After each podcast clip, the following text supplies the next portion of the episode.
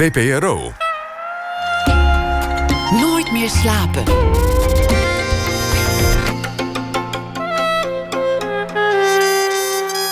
Met Liesbeth Staats. Goedenacht en welkom bij Nooit meer slapen. Mijn gast vannacht werd ooit als puber verteld dat hij goede kans maakte om een professioneel basketballer te worden, als hij er serieus werk van zou maken. Niet veel later zei iemand hem toch vooral de muziek in te gaan. Alain Clark werd geen basketballer, maar wel een artiest met een driedubbele platina-plaat aan het begin van zijn carrière, een Edison Award, een zilveren harp en een 3FM Award op zijn naam. Het was een goede keuze dus, die muziek. Maar het succes kwam niet vanzelf. Hij joeg die American Dream na, die, na even proberen, de eerste keer vooral een droom bleef. En na een succesvolle plaat volgde wat hij het tweede albumsyndroom noemt. Muziek die onder grote druk geschreven werd. Maar nu is er Sunday Afternoon, een album dat ontstond in grote vrijheid. Van mijn succes kan ik als het moet inmiddels afscheid nemen. Ik schrijf nu muziek die voor mij op dit moment klopt. Welkom, Alain Clark. Dankjewel. Ja, goed dat je er bent. Vind ik ook. Ja. We gaan zeker luisteren naar uh, één of twee nummers van je album. Leuk. Maar je vertelde over dit album dat je het in ontspanning en in een soort van vrijheid hebt geschreven. Klopt. Wat bedoel je daarmee? Uh, nou ja, het, het, het, insinueert eigenlijk meteen een beetje dat alle albums daarvoor uh, in, in grote spanning en uh, onvrijwillig. ja, onvrijwillig zijn geschreven. Dat is zeker ook niet het geval. Maar het, ja, eigenlijk de inspiratie van, van dit album kwam in de echo van een periode waarin ik heel veel heb gereisd. Heel veel met verschillende mensen heb gewerkt. En waarbij er best wel vanuit de platenmaatschappij een politieke druk lag op de timing van de release. Uh, wat er uiteindelijk voor heeft gezorgd dat het album een jaar op de plank heeft gelegen. Wat er weer voor zorgt dat ik heel veel ben gaan nadenken, in mijn hoofd gaan zitten. nadat het album op was genomen. Ja. Um, en het begon eigenlijk, het schrijven voor dit album begon eigenlijk op het moment dat ik gevraagd werd om voor iemand anders een liedje te schrijven. En dat deed ik met zo'n ontspannenheid en gemak.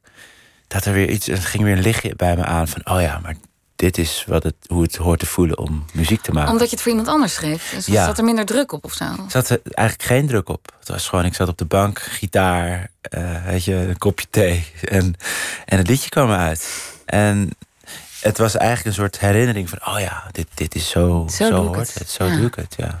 Nou, daar gaan we naar luisteren en over praten. We gaan eerst even naar een uh, ander feestje. Want vanavond gaat ook de 85ste Boekenweek van start. Thema Rebellen en Dwarsdenkers. Nou, en als het Boekenweek is, dan gaat ook traditioneel het Boekenbal van start, de avond van tevoren. Dat is nu gaande in Amsterdam. En ook traditioneel zijn wij daar dan ook aanwezig. We bellen met onze verslaggever Inge Terschuren. Inge, goeienacht. Hi, goeienacht. Hi. Jij bent op het bal. Wat ik Ja. me afvroeg, ehm, ja, in tijden van corona... zijn er nog mensen thuis gebleven? Nou, ik geloof het niet, nee. Het is hier eh, druk en gezellig. En ik heb een aantal mensen gevraagd eh, of het leeft, corona. Maar eh, nou, bij niemand is dat eigenlijk ge- het geval. En mensen zijn boven ook lekker aan het dansen, dicht op elkaar. Iedereen zoent elkaar en geeft elkaar de hand. Dus ik heb niet het idee dat het leeft. Alleen Marion Bloem zei eh, dat ze een beetje voorzichtig is. Want haar man, eh Ivan Wolfers, die is ziek. Dus eh, ze zei, ik Ah. wil niet dat hij te veel wordt blootgesteld. Nee. Maar dat is echt de enige die eh, erover had nagedacht. En verder eh, Verder zijn mensen eh, erg innig met elkaar. ja, lekker warm en broeierig en plakkerig daar. Precies, ja. En dicht op elkaar dansen en feesten. En nee, het, het leeft echt niet, nee. Nou ja, misschien is dat dan wel de rebellie. Want dat is het thema van de Boekenweek. Ja, Ehm, klopt, ja. Kijk, eh, eh, de, het Boekenweek Essay werd geschreven door Eus, Eus-Jan Akjol. Hij gooide een steen in de vijver door heel erg kritiek te hebben op de literaire wereld en de elite en de manier waarop boeken en recensenten en schrijvers elkaar in stand houden. Eh, heb je daar nog iets over gehoord? Dat maakte veel Ja. los. Nou, precies. En daar wordt hier ook wel over gepraat hoor. Ik heb een aantal mensen gesproken en de een zegt ja, er zit zeker wat in wat hij schrijft. De ander zegt oh, hij is vooral aandacht aan het zoeken. En eh, eh, iemand zei eh 60% van eh, de mensen hier die eh, hebben het vanavond over Eus en over wat hij geschreven heeft. Dus eh, daarmee heeft hij bereikt wat hij wil. En eh, ja, ik eh, eh, weet niet of dat zijn doel was. Maar eh, in ieder geval merk ik wel dat er over wordt gepraat. Ja, en dat het veel heeft losgemaakt. Ja. En nou is er een, het boekenbal is niet geslaagd zonder relletje. Eh, is er al iets gebeurd? Of moet je daarvoor wachten tot het drie uur s'nachts is? Ja, ik denk dat je moet uh, wachten tot het drie uur s'nachts is deze keer. Vorig jaar hadden we natuurlijk de jongen die tijdens het zaalprogramma op een nogal ongelukkig moment uh, opstond om zijn punt te maken. Maar uh, het zaalprogramma dit jaar was nogal mat. En het, het, hoogtepunt was een speech van Maxime Februari, die gewoon goed was, maar niet een relletje. Ik vind het eigenlijk, iedereen ziet er ook qua kleding behoorlijk ehm, ingetogen uit. Uh, ik heb hier en daar rondgevraagd, maar uh, nee, er zijn, uh, er zijn nog geen relletjes. Er is nog niet gevochten. maar wat niet is, kan nog komen. Maar, ja, um, zeker. Tot zover de rebellie en nou, de dwarsdenkers dus in de Nederlandse letteren. Zeker, het feestje gaat hier nog even door. Dus wie weet wat er nog gebeurt. Nou, veel plezier. Dankjewel. Yes, dankjewel. Oké, okay, goeiedag. Goeienacht. En wij gaan doorpraten met Alain Clark, de gast van vannacht. We hadden het over je nieuwe plaat, Sunday Afternoon. Ja. Ik was naar het concert in Alkmaar. Je doet een tour op zondagmiddag. Ja. En uh, wat ik bijzonder vond, is dat het klaarlichte dag was... toen wij, het publiek, dat poppodium uh, binnenkwamen. En dat je meteen een sfeer schept van ja, een oude nachtclub. Ja. Je hebt een klein podiumpje ja. voor het grote podium. Ja, we, wel bedacht om, uh, om het wel, juist omdat het zondagmiddag was, net even anders te doen. En aan de ene kant heb je natuurlijk het voordeel van zo'n club dat het anders voelt. Dus dat nachtclubgevoel wat jij nu omschrijft, dat komt natuurlijk gewoon echt door die club. En dat je echt in een soort eigenlijk een donker hok bent. Maar ik heb een fantastische lichtman altijd mee. Um, Tim IJzerman. Die, die, is echt een kunstenaar met licht wat mij betreft. En uh, die weet altijd zulke mooie sferen neer te zetten. En we hebben inderdaad het podium uh, heel laag, op 40 centimeter voor het reguliere podium gebouwd. Waardoor ik eigenlijk gewoon midden in het publiek ja. sta. Maar dan, ja, het, ik kreeg wel een beetje als feedback van de mensen die achterin stonden dat, dat ze me net aan konden zien. Dus misschien gaan we de volgende shows ietsje hoger staan. Oh ja. Maar dat is wel echt het idee in de sfeer. Gewoon ja. heel ontspannen. Ja, ontspannen is gewoon, een, dat wordt een thema wordt vanavond. ja. En het is behalve dan ontspannen ook uh, nou, een persoonlijke plaat geworden. Je Ja. vertelt tussen de nummers door over wat de nummers voor jou betekenen. Wat, ik, wat me opviel is dat jij zei over deze plaat... ja, eigenlijk heeft het te maken met een televisieprogramma. Ik heb meegedaan aan de beste zangers van Nederland. Ja. Dat is zo'n tv-programma, muziekprogramma van de Afro-Tros. Vaak gevraagd, vaak nee gezegd. Ja. Waarom zei je nee eigenlijk? Um, nou, een, een, aantal keer omdat het gewoon agenda technisch uh, niet uitkwam... of dat het gewoon druk was, ook in mijn hoofd met andere dingen. Maar eerlijk gezegd ook omdat ik het gevoel had... dat het programma niet heel erg paste bij mij. Ik vond het een mooi programma om te kijken... maar mm -hmm. door alle edits tussendoor had ik soms het idee als kijker van... oh ja, ik weet niet, ik, ik ben niet heel erg een soort outgoing of amicaal in, in mijn Weet je? Mijn met collega's. Daily. Ja, met collega's. Ja, dat klinkt misschien een beetje lullig, want ik, nee. weet je, in de studio graag, maar het ding van samen ontbijten en lachen om een grap die ik eigenlijk niet grappig vind, dat, dat idee kreeg ik soms een beetje. Maar... Ja, want dat moet, moet ik even uitleggen. Het is een programma waarin zangers elkaars nummers zingen. Of nummers van andere zangers. Ik heb jou Marco Borsato zien zingen. Ja, dus je zingt eigenlijk iedere week staat er een andere uh, zanger of zangeres uh, centraal. En de, de zangers en zangeressen daaromheen zingen dan voor diegene. Ja. En dat kan dan inderdaad van diegene zijn of haar eigen repertoire zijn. Of een liedje die gewoon veel voor diegene heeft betekend. Ja. De, um, en je verblijft met elkaar de hele tijd op een mooie locatie. Ja. En, uh, ja. Maar ik kan vertellen, ik bedoel, als ze me nu bellen van wil je morgen meedoen, dan rijd ik uh, straks meteen naar Schiphol. Het was echt bij far het leukste wat ik ooit op tv echt? heb gedaan. Ja. Echt? Ja. Terwijl je er eerst zo tegenop zag? Ja. Gro ja, een soort mooi eigenlijk. Ja. Toch? En wat is daar gebeurd dat je nou, jou in de gelegenheid stelde om deze plaat te maken? Nou, ik denk, en dat is denk ik ook het sterkste, of het sterke van het format, is dat je als, als artiest wordt gedwongen om uit je comfortzone te stappen. Want ja, inderdaad, ik heb nooit eerder een liedje van Marco Borsato op een andere plek dan onder de douche gezongen. en nu doe je dat gewoon op tv en ook nog eens voor een collega. Je zingt ook nooit voor collega's, weet je. Soms staan ze in de coulissen. En uh, omdat je dan een uh, festivalpodium Ja. deelt. En gek genoeg is dat eigenlijk uh, spannender voor een zanger dan wanneer je duizend mensen voor je neus hebt. Want nu weet je van, oh, diegene die doet ook wat ik doe. Die kan uh, dingen beter dan dat ik dat kan. Oh ja. En nu ben je gewoon vier dagen met, met uh, nou, ik geloof ik even, even uit mijn hoofd, iets van zes of zeven collega's. op pad. En, en is dat je doel om voor elkaar te zingen en om iets bij elkaar te raken? Want je weet, ik weet, ik zing een liedje voor jou wat iets voor je betekent. Dus er ligt ook nog eens een druk op. En een liedje wat ik nog nooit heb gezongen. Ik bedoel. Dus wat, wat, wat het, om antwoord te geven op je vraag, wat het voor mij heeft gedaan, het heeft me um, gedwongen om dingen te doen waar ik A aan zou twijfelen of ik het kan. En, uh, en je nou, gewoon laat ik het simpel zeggen, die ik anders nooit had gedaan. Nee. En, en wat, ja, ik neem aan, je hebt geen Marco Borsato nummer op je nieuwe plaat gezet. Maar wat nam je mee van dat programma? Um, nou, eigenlijk wat voor mij um, een heel, heel, mooi inzicht was bij mezelf, is dat ik uh, uh, het veel kleiner kon zoeken dan dat ik daarvoor altijd heb gedaan. Dus als je mij. Kijk, ik, ik ben wel altijd fan geweest van, van ballads. En ik denk ook dat dat, als ik dan zou moeten zeggen waar mijn krachten liggen, dan is het denk ik eerder in kleine liedjes. Maar toch heb ik altijd het gevoel gehad van ik moet. Um, ik moet vooruit, weet je. Ik moet hoger zingen. Er moet een soort ritme in zitten. Er moet, okay. er moet een beetje een soort vuur, een vuurwerk in, in het liedje zitten. En, en hier was dat, was dat niet. Het was gewoon klein. Het was heel eerlijk. En ja, ik Jij je gitaar op een kruk? Ja, dat. Of, of inderdaad met een bandje waar je niet vaak mee hebt gespeeld. Of een liedje wat je nooit live hebt gedaan. Misschien één of twee keer hebt gerepeteerd. En dan doe je dat. En, en dat was heel... Uh, ja, er, er, ging gewoon even iets open in mij. Van, oh ja, een soort bijna een... een uh, hoe zeg je dat? Een... Uh, um, ja, een soort stukje zelfvertrouwen wat ik daardoor kreeg. Van, oh ja, je kan gewoon in dat kleine ook groot iets brengen. Nou, laten we gaan luisteren. Um, we gaan luisteren naar het nummer Slow Down. Wil je daar nog iets ter introductie over zeggen? Uh, ja, nou ja, dit is wel een liedje wat, wat een beetje... Uh, nou, eigenlijk alle liedjes op dit album hebben dat gevoel. Gewoon het, het ontspannen en het rustige. En ik, ik zing...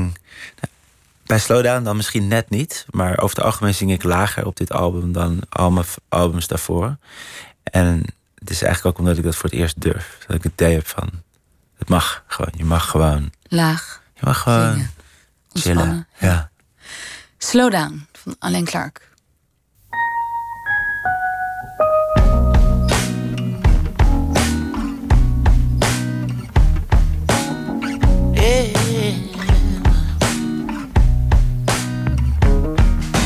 Confess my love for a cheap red wine. Not hung up on a wasted time. Got no politics on my mind. I might go and just take a ride. I can. I can.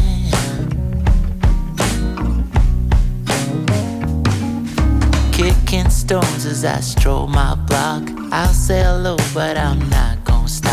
Trusting good, keep my door unlocked. I'm gonna keep on a walking, cause I can. Uh. I could just fly to where the sun is. I could just tell her how I feel. Cause if I wait until forever, then I probably never will. And as I ease into the morning, I feel the sunlight on my face. I'm just grateful for this day. I really need to slow down and be myself. Make time for someone else. Give back the love that comes my way. Slow down and be myself. Make time for someone else. Give back the love that comes my way some of my friends get upset. I'm not good at calling back. They all know I'm a busy man. Maybe I'll hang out tomorrow if I can. But only if I can. Yeah. But there's a plot to every story as a way to draw you in you only really start to see it when it changes in the end. So as I step into the evening, as the daylight falls to sea, I can feel a difference in me. Slow down, be myself.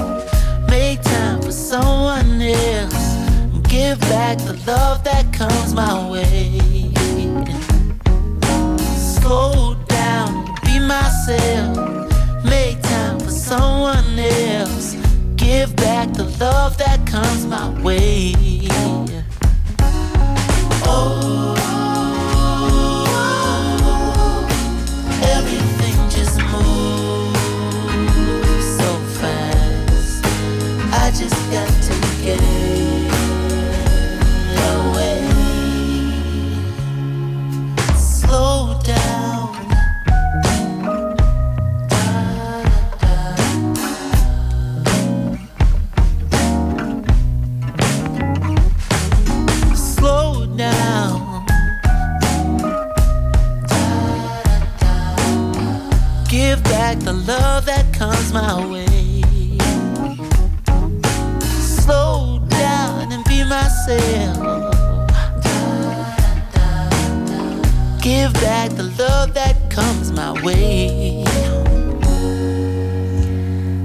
Down van Alain Clark. En Alain Clark is onze gast vannacht. En we praten over zijn nieuwe plaat A Sunday Afternoon.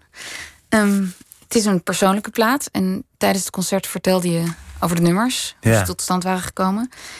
Eén nummer bleef me bij. Of nou wel meer, maar het verhaal erbij.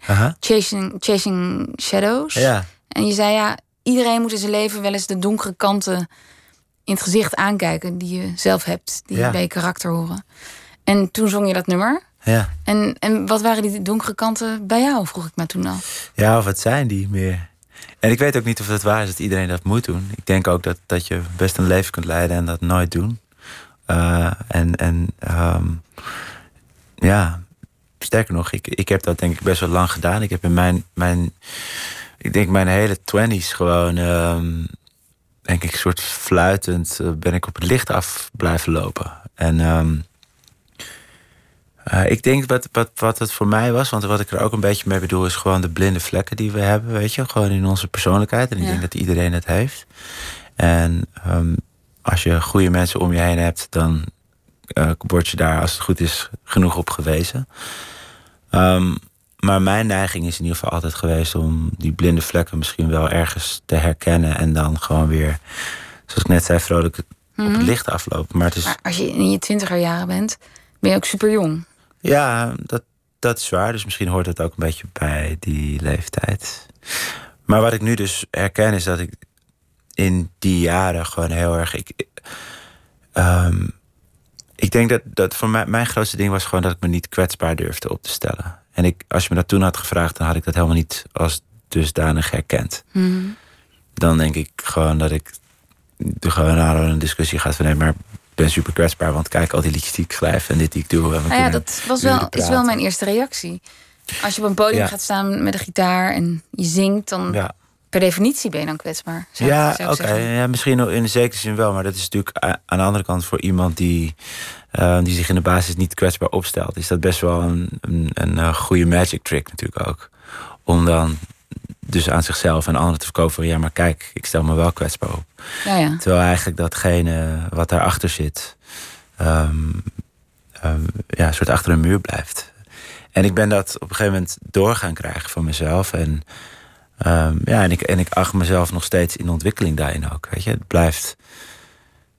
ik denk dat het ook gewoon te maken heeft met hoe ik ben grootgebracht. En dan bedoel ik niks ten nadele van mijn ouders. Want ik denk dat die dat op een hele mooie en goede manier hebben gedaan. Maar meer eh, ook de overtuiging die je, die je creëert en die je, die je meekrijgt van je omgeving. Ehm, De positieve overtuiging bedoel je, de ja, nou, ik, zelfvertrouwen. ja, nee, misschien zelfs zonder oordeel of het nou positief of negatief is, maar gewoon, gewoon jouw pakket en hoe jij in het leven staat en hoe je denkt. En voor mij, wa- wat ik zeg, het was voor mij een blinde vlek van die kwetsbaarheid, maar ik ben dus nooit echt, ik heb nooit echt het achterste van mijn tong, tong durven laten zien of kunnen laten zien, omdat ik niet wist hoe dat moest. En nu ehm, krijg ik steeds meer door dat het gewoon zo simpel is als gewoon openstaan. En ehm, En wat voor dingen kon jij bijvoorbeeld niet zeggen? Ehm, nou, ik denk eh, een soort, soort in het gebied van ja, kwetsbaarheid, een soort, soort iets heel simpels als kunnen zeggen van ik weet het niet. Of uiteindelijk van, van echt je hebt gelijk. Weet je, je kunt zeggen je hebt gelijk. Maar, maar, het, maar het soort echt zo voelen. Ehm, of ehm, ja, ik weet niet, een beetje een soort van in, in, in die gebieden. Gewoon ook, ook durven, durven zeggen dat je, dat je het niet weet, of dat je het niet kan, of dat je onzeker bent. Of dat Terwijl, soort dingen. als je muziek maakt, dus Ja. je, je bent een artiest, je maakt iets wat er nog niet is, dan moet je toch door al die onzekerheden en ehm, nou ja, processen waarvan je op elk moment nog niet weet waar het liedje heen gaat, of Absoluut. hoe je dat album gaat vullen, of Ja. welke kant je op moet met je muziek. Dat is waar, maar dat is een, hele intiem, dat is een heel intiem proces. Dus eh, althans is dat voor mij altijd geweest. En ik denk eigenlijk ook dat, ehm, dat de, zeg maar de stuw van het, van het niet eh, zeg maar in, in daily en in real life ehm, kwetsbaar zijn, dat, dat die, eh, die frictie eigenlijk heeft veroorzaakt dat ik meer ben gaan schrijven. Want dat was zeg maar mijn outlet. Ja, ja. Maar ik, ik voel ook nog steeds, en dat is ook echt wel een van mijn persoonlijke missies. Ik voel dat er nog heel veel space is, nog heel veel headroom is om daarin te ontwikkelen. En ik weet ook zeker dat als ik dat doe, dat mijn muziek daar ook dieper en beter van wordt. En, en mijn een doel die ik in ieder geval voor mezelf heb gesteld, is dat er gewoon geen afstand meer bestaat tussen datgene wat ik echt voel. Echt voel. Weet je, niet zeg dat ik voor me echt voel en wat ik uit. Nou ja, en inderdaad, de, mijn, mijn grootste vorm van uiting eh, is muziek maken. Dus dat is, het- ja, dat is. Ik, eh, ik ben er, if anything, heel excited over. Over Ja. de prospect, zeg maar. En, en hoe doe je dat? Hoe, als je zegt er is nog ruimte om daarin te groeien, hoe pak je dat aan? Ehm, nou, het begint met eh, herkennen. Wanneer ik we- weer in een soort mode schiet. Dat ik bij mezelf door heb van... oh ja, dit is soort eigenlijk een oud denkpatroon of oud gedrag. Nu ga ik weer defensief worden waar ik niet hoef. Eh, of nu ga ik ehm, risico's vermijden eh, die ik eigenlijk zou moeten aangaan. En dat kan ook zo simpel zijn als gewoon een gesprek ehm, aangaan. Of dieper gaan met een gesprek waar ik die anders had vermeden. Of stel, je- stel me voor dat wij in gesprek waren ergens op een feestje eh, bij een, bij een, in een keuken. Ja. Eh, en jij vraagt aan me hoe gaat het met me. Ik ben ninja genoeg geworden om dat zo te draaien dat we het over jou hebben en niet over mij. Snap je wat ik bedoel? Ja. En dat soort dingen herkennen. En, eh, en dus heel bewust besluiten van nee, ik ga daar gewoon in. En ik ga daarin mee. Ehm, dus zo, zo. En, en hoe horen wij dat in jouw muziek? Ehm, ja, dat is een goede vraag. Dat weet ik, dat kan ik je eigenlijk niet vertellen. Hoor jij het in je muziek? Dat je, Nou, ik voel het. Ik voel het wel. Ik voel wel dat ik nu eh, op een andere plek ben. eh, creatief gezien. En dat ik anders op het podium sta. Dat ik ook, zoals in een gesprek zoals nu, met jou anders zit dan dat ik dat waarschijnlijk tien jaar geleden had Ja? gezeten. Ja. en en heeft dat met ook andere dingen dan leeftijd te maken? Want ja, toen we allemaal 30 of 20 waren, sta Ja, je überhaupt, kijk je dan anders naar het leven? ja, dat is een goede vraag waar ik geen goed antwoord op kan geven. Omdat ik het niet weet. Ik weet niet hoe het is om ouder te zijn eh, dan dat ik ben. Dus dat zou goed kunnen. Ja. Maar goed, dat is ook dat is misschien gewoon een deel van de reis. En die heeft wel degelijk met leeftijd te maken. Omdat dat gewoon tijd is. Maar ehm, ja, er zijn natuurlijk ook, er zijn ook mensen van 22 die op deze plek al zijn. Of er zijn mensen van 50 die, die nog nog, niet zijn. En dat bedoelde ik net ook een beetje van... je kunt denk ik ook een heel leven leiden zonder dat je ooit wel... Je dus aangaat of zo. Toch? Ja. Ja. En dat is dan misschien ook gewoon wat het is. En oké ook, weet je. Hm, En je noemde net reis. Ehm, je zei tegen mijn collega, ja, mijn reis is als artiest is nu een soort rondje. Ja. Wat bedoel je met dat rondje? Ehm, nou, het voelt eigenlijk een beetje zo dat ik nu weer op een, een punt ben... dat ik ehm, bijna weer een kinderlijk enthousiasme voel. Van, eh, ehm, van, van willen maken en willen spelen. Ik, ik zit wat dat betreft gewoon heel erg goed in mijn vel. En dat had ik ook... zeg maar in 2007, toen ik mijn eerste Engelstalige album Live It Out uitbracht. En dat bedoel ik eigenlijk met een rondje, als dat het vertrekpunt was. Als dat 12 uur, als ik om 12 uur ben vertrokken, ben ik nu weer 12 uur, misschien 24 uur later, eh, op datzelfde station. ja. Maar wel met die tijd en die ervaringen in mijn achterzak. En ik heb nu heel erg het gevoel dat door nou eigenlijk waar we het net over hadden, dat ik op andere plekken ben, dat ik ehm, nu een soort mogelijkheid heb om een spoorwissel te maken. Dus in plaats van weer datzelfde rondje te maken, om als het ware een soort achtje te maken en hele nieuwe dingen te gaan exploren. Ehm, en dat vind ik super. Uh, daar ben ik heel enthousiast over. Grappig, want ik uh, sprak ter voorbereiding van dit gesprek met uh, Menno Pot. Die is recensent, muziekrecensent bij de Volkskrant. Hmm. En, ehm, en die zei, ja, ik ben onder de indruk van, van het talent en het bereik van Alain Clark. En ik ben, maar ik ben zo benieuwd wat er zou gebeuren als hij het zijn publiek lastiger zou maken. Ja, ja. Als hij um, een, nou, een beetje scheid aan het publiek heeft. Ja. En een hele andere afslag zou nemen. Die scheid, die scheid begin ik nu te krijgen. Ja. En, en, en dat, dat, dat, dat klinkt natuurlijk soort lullig als we het zo, uh, als we het zo benoemen. Ja, dat past helemaal niet bij jou. Nee, hè? Nee. Lekker, hè? Het is kwetsbaarheid.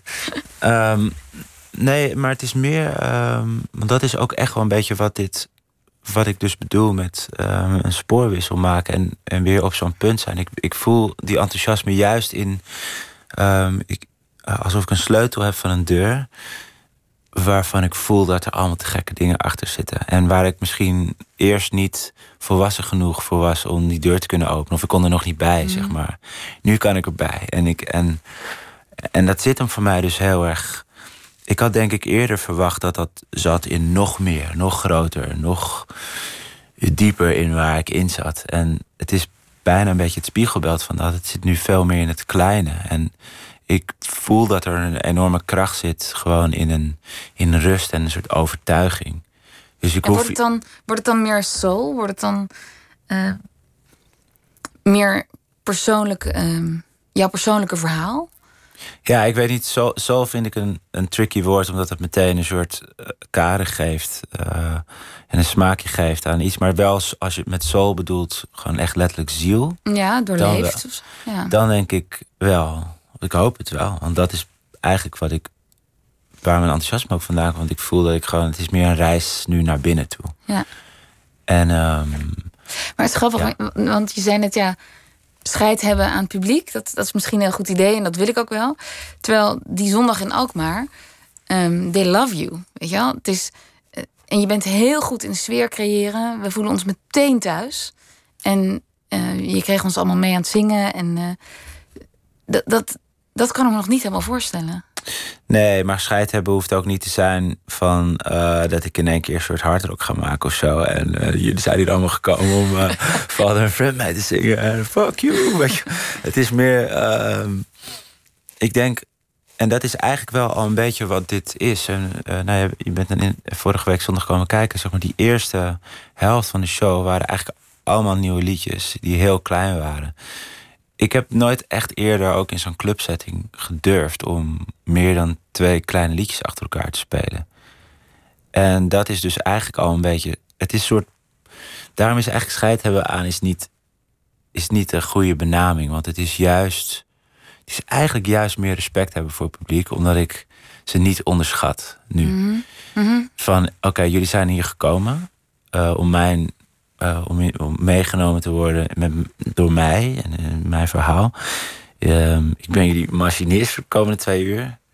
Laat me je dan ook eventjes soort van door de, de andere, spoor. andere ja, een ander spoor. Ja. En nu durf ik gewoon. En dat heeft dit album dus echt gebracht. Het heeft me die liedjes gegeven en die conference te geven van ja, ik kan gewoon nu uh, drie kwartier achter elkaar liedjes spelen die jullie nog nooit hebben gehoord. Heb ik ook gedaan. Eind vorig jaar heb ik een solo tour gedaan. Die liedjes waren nog niet uit. En de liedjes waren voor 80% nieuwe liedjes.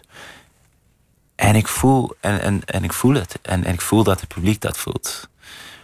Dus snap je? Ja? daar, daar zit voor mij dan.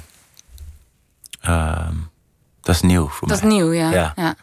En uh, we gaan luisteren naar een Sunday Afternoon. De titel, de titelsong van het uh, nummer. Daar zing jij dus lager en ja. gebruik je stem anders. Ja, en het was eigenlijk dus echt daar, daarin is dus dat stukje beste zangers. Hij heeft me daar een voorzet in gegeven om dat te durven. En het is ook um, um, credits voor mij naar um, Justin Stanley, de, de producer van het album. is iemand die ik in LA, heb opgezocht. En die heeft ook letterlijk gewoon gezegd van... toen ik het liedje voorspelde van... speel hem nog eens een hele toon lager. En dat ik hem eerst aankijk van, maar wacht even, maar dan, dan kan ik niet meer uh, trucjes doen met mijn stem. Nee, precies. Oh ja, oké. En heel fijn. Ik ben heel blij dat dat, dat is gebeurd. Sunday afternoon.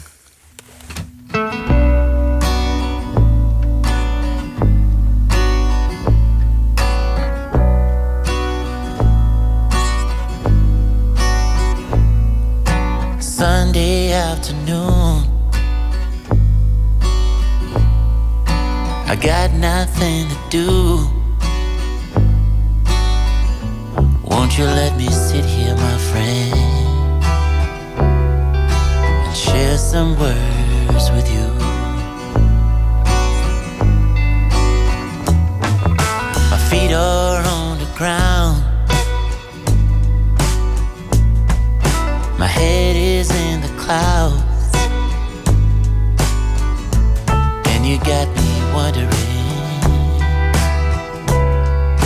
What it is you're thinking about.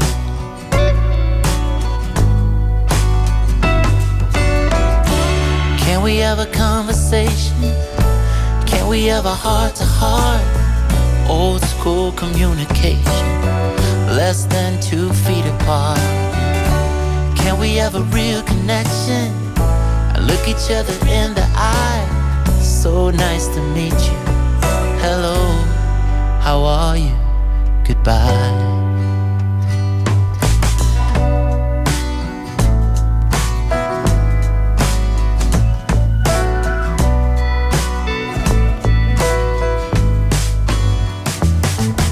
Sunday afternoon. I got nowhere to be.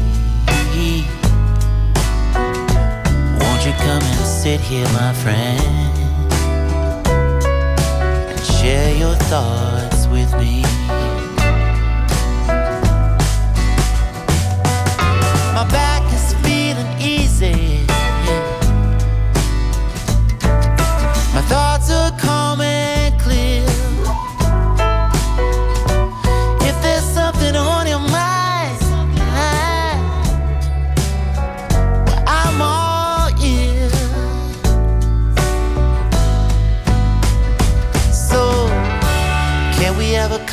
conversation? Can we have a heart to heart? Old school communication, less than two feet apart. Can we have a real connection and look each other in the eye? So nice to meet you. Hello, how are you? Goodbye. Goodbye.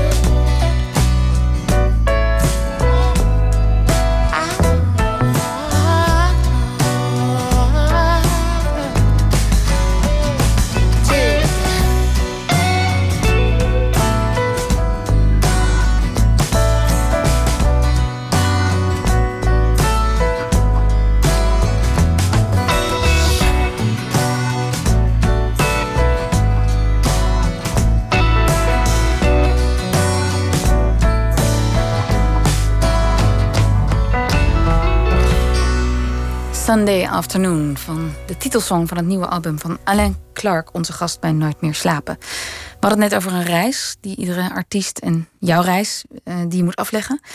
Dat heb je ook letterlijk gedaan, want je hebt heel veel in Amerika uh, gewerkt en onderzocht.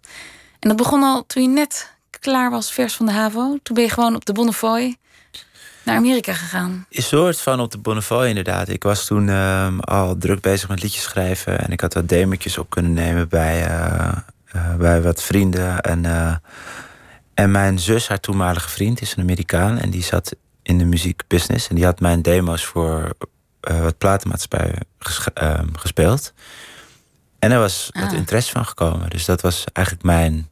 Ticket. Mijn ticket, ja. Maar dan nog, L.A. is groot. Ja. Maar ja, was 18? Ik was 18, nee, ik, misschien net 19. En uh, ja, dan kan je aan de ene kant zeggen dat is wel jong en spannend, maar tegelijkertijd ook niks te verliezen. Um, dus ik ben gewoon gegaan.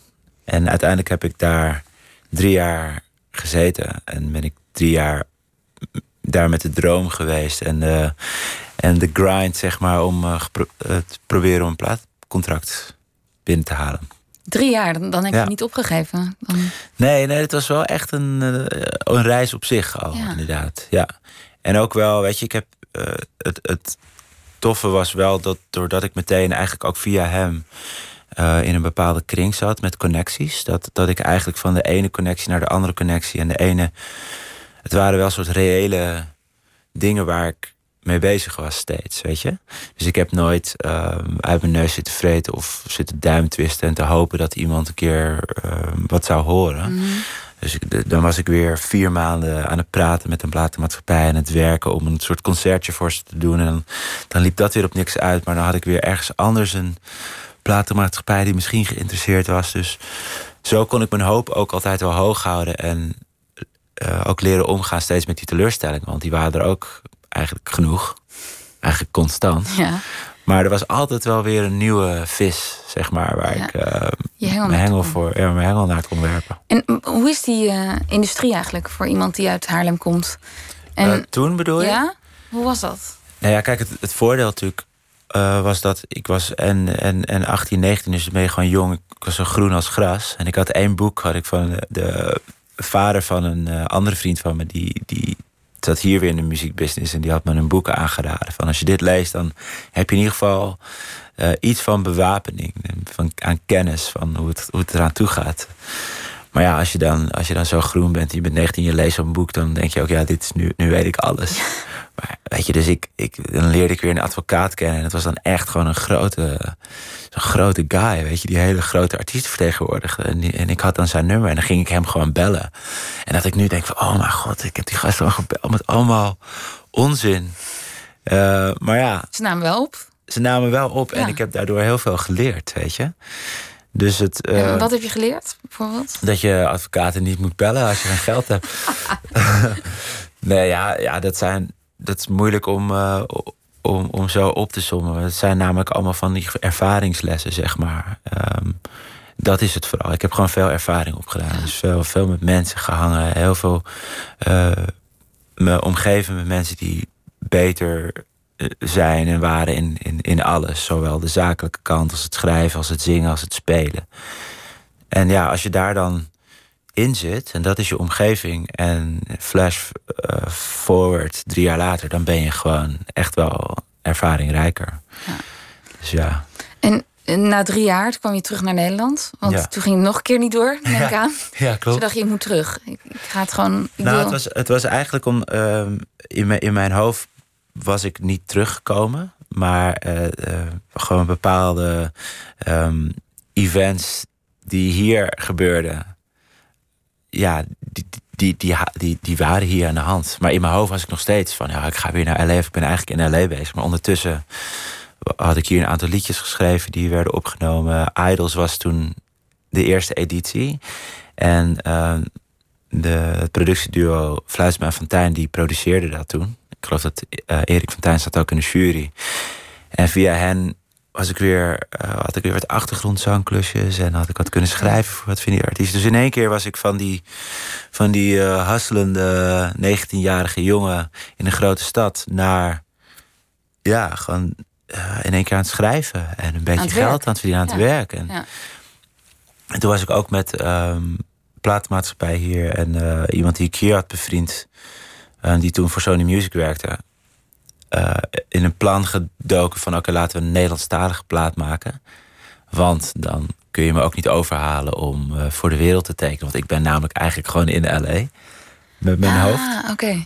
Maar dan kunnen we wel iets samen doen, zeg maar. En zo is mijn, eigenlijk mijn eerste album was Nederlandstalig. Ja. En dat is een beetje zo ontstaan. Maar het tweede album, of dat was Engelstalig. Ja, En ik dacht eigenlijk dat dat, dat voornamelijk je eerste album was. ja zo, zo voelt het voor mij ook wel. Ja. Dus dat, dat, zo- ik spreek eigenlijk altijd een beetje als het eerste album. Niet omdat ik me schaam voor het Nederlandstalige ding, want het was een hele toffe tijd. Wat me veel heeft gebracht. Maar ik heb gewoon sinds ik 16 ben altijd naar dat eerste Engelstalige album toegewerkt. Die hele droom in Amerika had eigenlijk gewoon te maken met gewoon een album willen opnemen. En toen ik dus in Nederland ehm erachter kwam dat ik gewoon dingen kan doen zonder een platenmaatschappij. En dat ik wat geld verdiende aan wat klusjes van zingen en productiewerk, wat ik later voor andere artiesten ging doen. Toen dacht ik van, oh ja, maar ik kan ook gewoon zelf die plaat gaan bekostigen en opnemen. En dus dat heb ik gedaan. Dat heb je gedaan. Ja. En die Amerikaanse cultuur ligt die jou?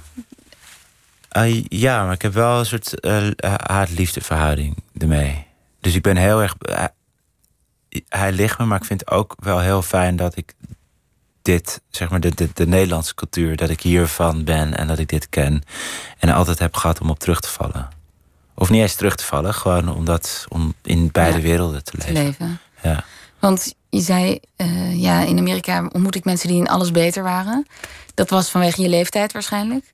Maar ook de hardere samenleving. Je moet veel harder werken daar. ja, zeker. Om Ja. eh, succesvol te worden. Ten eerste omdat het een heel groot land is. ja, er is meer concurrentie. Maar je moet ook een beetje overleven. Ja, ehm, zeker. En ehm, ja, en in, in wezen ligt me dat wel. Omdat ik, ik hou heel erg van die uitdaging. En ik, dat is ook wel een van mijn eh, drive, dr- drijfveren. Drijfveren, ik ben helemaal voor, voor Amerikaans. Eh, ook wel een van mijn drijfveren altijd geweest en nog steeds is gewoon om te ontwikkelen. Ja. Weet je, als muzikant en daardoor ook als mens, weet je. En volgens mij gebeurt dat, de grootste ontwikkeling gebeurt natuurlijk juist als je in, eh, eh, op plekken bent waar je gewoon moet werken. En eh, dat je uncomfortable bent. Of dat er mensen om je heen zijn die inderdaad beter zijn dan jij, waar je aan moet optrekken. Ga je op je tenen lopen dan? Ja, weet je en, uit dat, en dat jezelf. is heel oncomfortabel op, op het moment zelf. Maar als je dan die momenten dat je daar even uitstapt en terugkijkt, dan denk je van, oh wauw, maar ik ben echt wel op een andere plek dan dat ik drie jaar geleden was. Ja, want je bent nog een keer naar Amerika gegaan. Ja. In 2015 tot 2018. Ja. Maar toen reisde je heen en weer. Ik heb een, eh, je hebt een keer voor een blad een soort weekdagboek bijgehouden. Hmm. Nou, als je dat leest, word je al moe. Zeg maar. je, je, je, je was twee weken in L.A. en dan vloog je terug. En dan was je één week hier, want dan had je een heel klein zoontje nog. Ja, Toen. ja, zeker. En dan was je een week met hem en dan vloog je weer terug. Ja, en dan weer twee weken daar, dan weer een week hier. En dat heb ik, ja, nagenoeg drie jaar, of iets langer dan drie jaar gedaan. Hoe hou je dat vol? Nou ja, door te dealen met een chronische jetlag. Ehm, en gewoon niet te vaak op je bankrekening te kijken naar wat dat, eh, Kost. wat dat kost. Eigenlijk dat. Maar dan, dat hou je dus ook vol, omdat je heel graag daar muziek wil maken. En heel graag ook bij mijn zoontje wilde zijn. Ja. Dus, en het is ook, eh, want het, het, was inderdaad een, een heavy eh, lifestyle. Ehm, maar ook, eh, ja, ook, ook super exciting. Weet je, want het was super tof om daar te zijn en me volledig op mijn werk te kunnen storten. En dan weer heel, heel te gek om hier te zijn en helemaal eh, met hem te kunnen zijn. Ehm, en grappig genoeg waren die vliegreizen, dus dan elf uur vliegen. Dat waren, dat waren steeds mijn vakantietjes tussendoor. Want daar, oh, weet je, niemand om me heen. En, Koptelefoon op. ja, hij vliegt, ik chill. Ja. En zou je dat nu nog doen? Hij is nu tien, je zoon. Ehm, ja, ik, ja, ik bedoel, ik, ik vind het nu heel fijn om in een tijdzone te zijn en, en om gewoon constant ehm, met hem te kunnen zijn. Zeg maar, op het, hetzelfde continent als hij te zijn. Ja.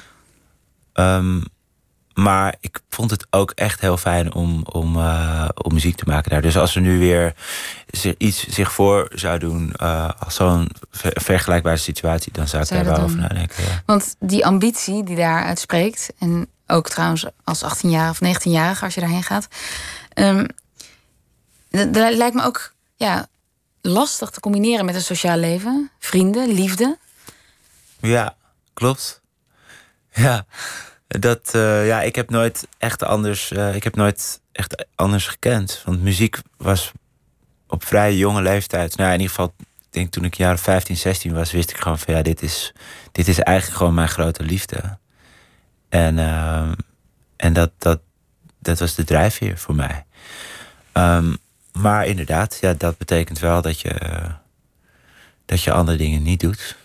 En het is soms ook wel een challenge in een, in een relatie, weet je. Dat je, dat je natuurlijk toch in een relatie altijd het gevoel met elkaar wil hebben dat je op nummer één staat. Ja. Um, en dat is voor een lange tijd toch wel muziek bij mij geweest. Ja. Of in ieder geval een gedeelde plek, weet je. Nog steeds? Um, ik, denk, ik denk feitelijk wel. Maar ik denk dat ik er, um, dan komt het woord weer, ontspannender mee omga. En dat het daardoor ook meer rust ontstaat in een relatie.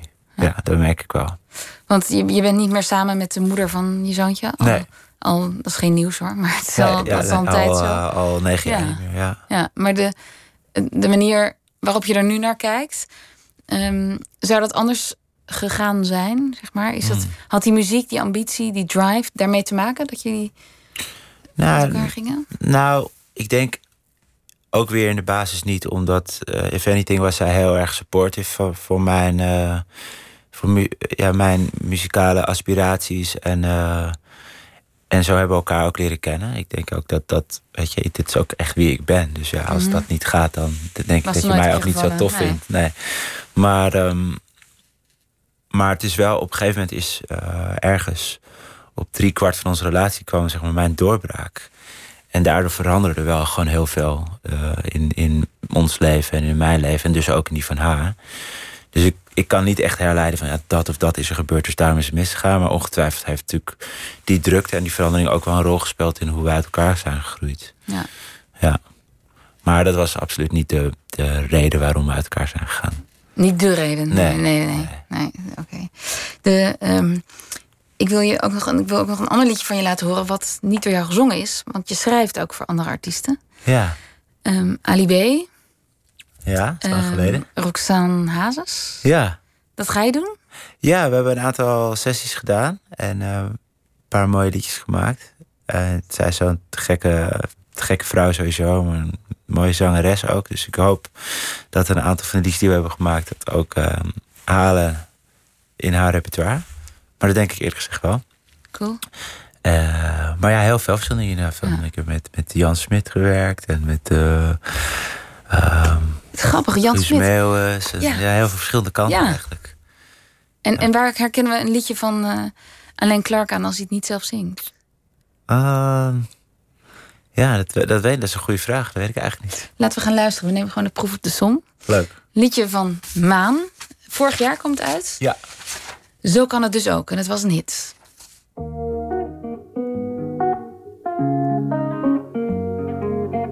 Is een jongen die ze trouw belooft, nog wel van deze tijd. Bestaat er nog zoiets als romantiek of zijn we echte liefde kwijt? De eerste week in de wolken, nou, ik zie het altijd om me heen. De eerste maand is zo verliefd en dan is hij weg of gaat hij vreemd. Maar dat is niet altijd hoe het gaat, gaat, gaat. Ik weet dat het bestaat, staat, staat. Want hij is idolaat van mij.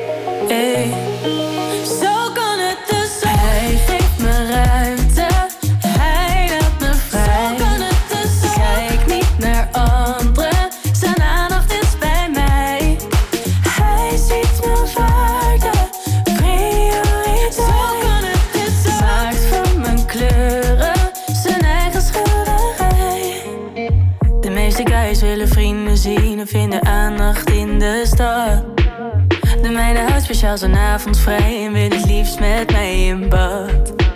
Sommige jongens hebben alles thuis en blijven toch naar meer op zoek. Maar de mijne heeft toch rust, oh ja, en hij heeft aan mij genoeg. Dat is niet altijd hoe het gaat, gaat, gaat. Maar ik weet waar ik sta, sta, sta. Want hij geeft dat aan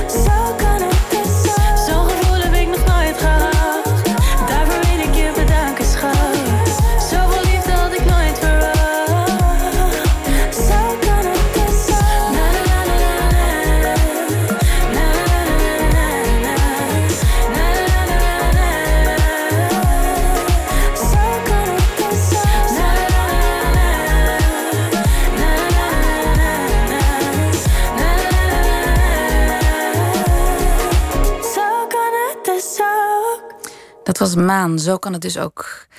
Een hit van vorige zomer. Ja. Die ze schreef met Alain Clark. Ehm, eerder in het gesprek zei je, ja, schrijven voor anderen, dat, daar zit veel minder druk op. Ja. Ja, Omdat je het dan niet zelf hoeft te zingen of omdat het dan niet zo persoonlijk wordt? Wat is dat? ik denk dat, ja. Ik denk, denk eh, omdat je dan eh, verplaatst in iemand anders. En dat is natuurlijk altijd makkelijker dan je, ehm, eh, de confrontatie met jezelf. Die gewoon inderdaad veel persoonlijker is. En iemand met wie je gewoon 24 uur per dag bent. Weet je, jezelf. Ehm, dat is vaak confronterender, moeilijker. Ook komen veel meer vraagtekens bij, onzekerheden. Eh, Wie ben ik eigenlijk? Wat wil ik eigenlijk zeggen? Voel ik dit echt? Is wat ik nu voel echt mijn gevoel of dat van iemand anders? Al die vragen. Terwijl als jij me nu vraagt om een liedje voor jou te schrijven, dan probeer ik gewoon me voor te stellen eh, wat jouw krachten zijn en wat jouw verhaal is. Of misschien vertel je me letterlijk jouw verhaal. En dan is het, ja, dan, dan is het, Ja, ja. dan is het los, zeg maar. En zou je, zou je, kun je je voorstellen dat dat, dat dat de richting wordt? Je zei van ja, ik ben zo nu met mijn eigen persoonlijke eh, reis bezig op muziekgebied. Ik wil maken wat ik vind dat klopt en wat nu op dit moment bij mij hoort. Ehm, stel, je gaat een pad in en het publiek denkt prima, maar dan gaan we niet meer in grote getalen komen. En zou je dan, is dat dan belangrijker? En zou je dan het succes bijvoorbeeld met liedjes voor anderen kunnen Ehm, vieren? Snap je wat ik bedoel? Ja, nee, ik, ik denk wel dat ik snap wat je bedoelt. Eh, en ehm, ik, ik weet niet of het. Ik, ik denk eigenlijk gewoon allebei. Dus ik, ik hoop. ehm, en zo heb ik eigenlijk altijd mijn, mijn eigen werk en mijn albums gezien als gewoon een. Gewoon een uiting. Op, op een gekke manier zie ik mezelf nog steeds niet echt als zanger of als. ehm, echt als muzikant. En ik weet, weet best wel dat. Nou ja, gewoon iemand die iets voelt en een idee heeft en dat uit. Weet je zo. En dat, ehm, het- het- dat is geen valse bescheidenheid, wat ik, weet je wel, maar zo, zo voelt het gewoon. Van, ik, ik heb gewoon een, gewoon een idee. En ja, zo uit ik dat. En als ik dat zo Terwijl, niet kan doen, dan als Maan jou vraagt, of Ali B, of Roxanne Hazes... dan eh, vragen ze jou omdat jij muzikant, artiest bent en goed kan schrijven. Ja. Ja, oké. Dus, dus misschien, ja, oké. Ik, ik ben, het, ben het misschien ook wel. Maar ja, I don't know. Ik, ik, ik, meer van ik. eh, Hoe, hoe het idee er ook uit wil, zo gaat het hopelijk gebeuren. Of niet hopelijk, zo gaat het Zo gebeuren. gaat het gebeuren. Ja. Je, je bent op tournee met Sunday Afternoon op zondagmiddag. Niet zo grote tournee, zes keer of zo? Zeven, zeven totaal. keer. Ja. Maar daarnaast heb je nog een project, een conversatie met. Dat begint Ja. volgende week zondag. ja, daar ben ik ook heel enthousiast over. Ja, vertel. Je gaat in gesprek, of je laat mensen in gesprek gaan Ja, dus artiesten. eigenlijk, ik ben, ik ben eigenlijk eh, de initiatiefnemer. ehm, en met eh, twee andere jongens ehm, zijn we het aan het opzetten. Eh, je moet eigenlijk denken aan college tour. Dat is eigenlijk de setup. Dus eh, twee stoelen huis, op een podium. Ja. Eentje voor de gast, eentje voor de host. En dan een publiek in de zaal. Het grote verschil wel met college tour, met wat wij doen, is dat college tour is gemaakt voor televisie. En, en ehm, een conversatie met is echt één keer één moment. Dus we doen bijvoorbeeld de eerste editie is Ali B te gast. Humberto Tan gaat het hosten. En we doen dat in een kleine zaal van het Concertgebouw in Amsterdam. En als je daar niet bij bent, dan heb je dat gemist. Ehm, En waar- waarom, wilde je dit, waarom wilde je dit opzetten? nou, Wat was de om een, behoefte? om een podium te scheppen voor, ehm, voor mensen, uh, artiesten, sporters, politici, gewoon laten we zeggen even mensen die in de belangstelling staan of die iets heel goed kunnen, professionals. Um, die iets anders is dan. Kijk, wat wij nu doen is best wel uniek. Dat je een uur kan praten over iets. En, en, en de diepka, die diepgang uh, een beetje op kan zoeken. Mm. En kan uitweiden over dingen.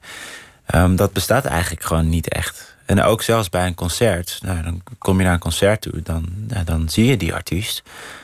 Maar als je echt spreken, kom je die artiest niet. Misschien bij een meet and greet. Maar dat is toch gewoon een Heel foto kort, en een ongemakkelijk moment. Ja.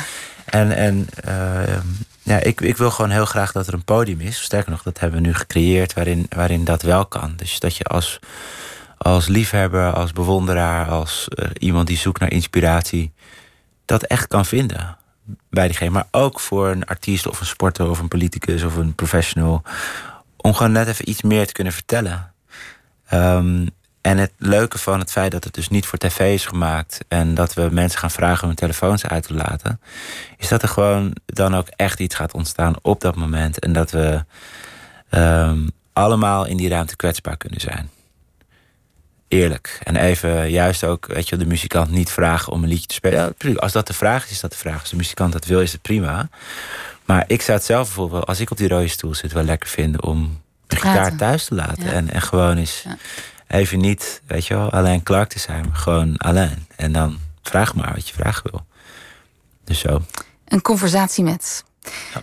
Um, nou, dat moeten de mensen maar googelen wanneer dat is. 15 maart. In oh. het concertgebouw. Maar de volgende meer, toch? Of niet? De volgende meer, ja. Maar ja. dit is even, even de, de eerste. eerste. en dan gaan we, gaan we door. Ik wens je een prachtige tournee nog toe met Sunday Afternoon. We zijn er doorheen. Tot zover Nooit meer slapen vannacht. Dankjewel, Alain Clark. Dank jou wel. Vond het erg leuk. Mooi. Aanstaande maandag, vertel ik nog, komt Lucas de Man praten over zijn boek Yes Please, waarin 300 mensen vertellen over hun erotische fantasieën. Straks hoort u hier de Afrotros met Vink en ik wens u nog een heel goede nacht.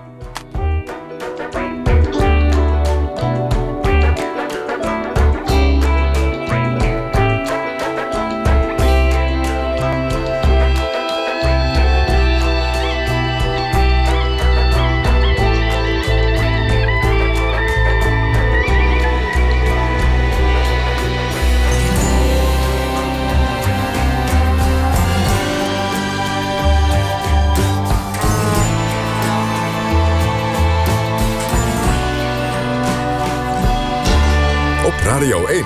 Het nieuws van alle kanten.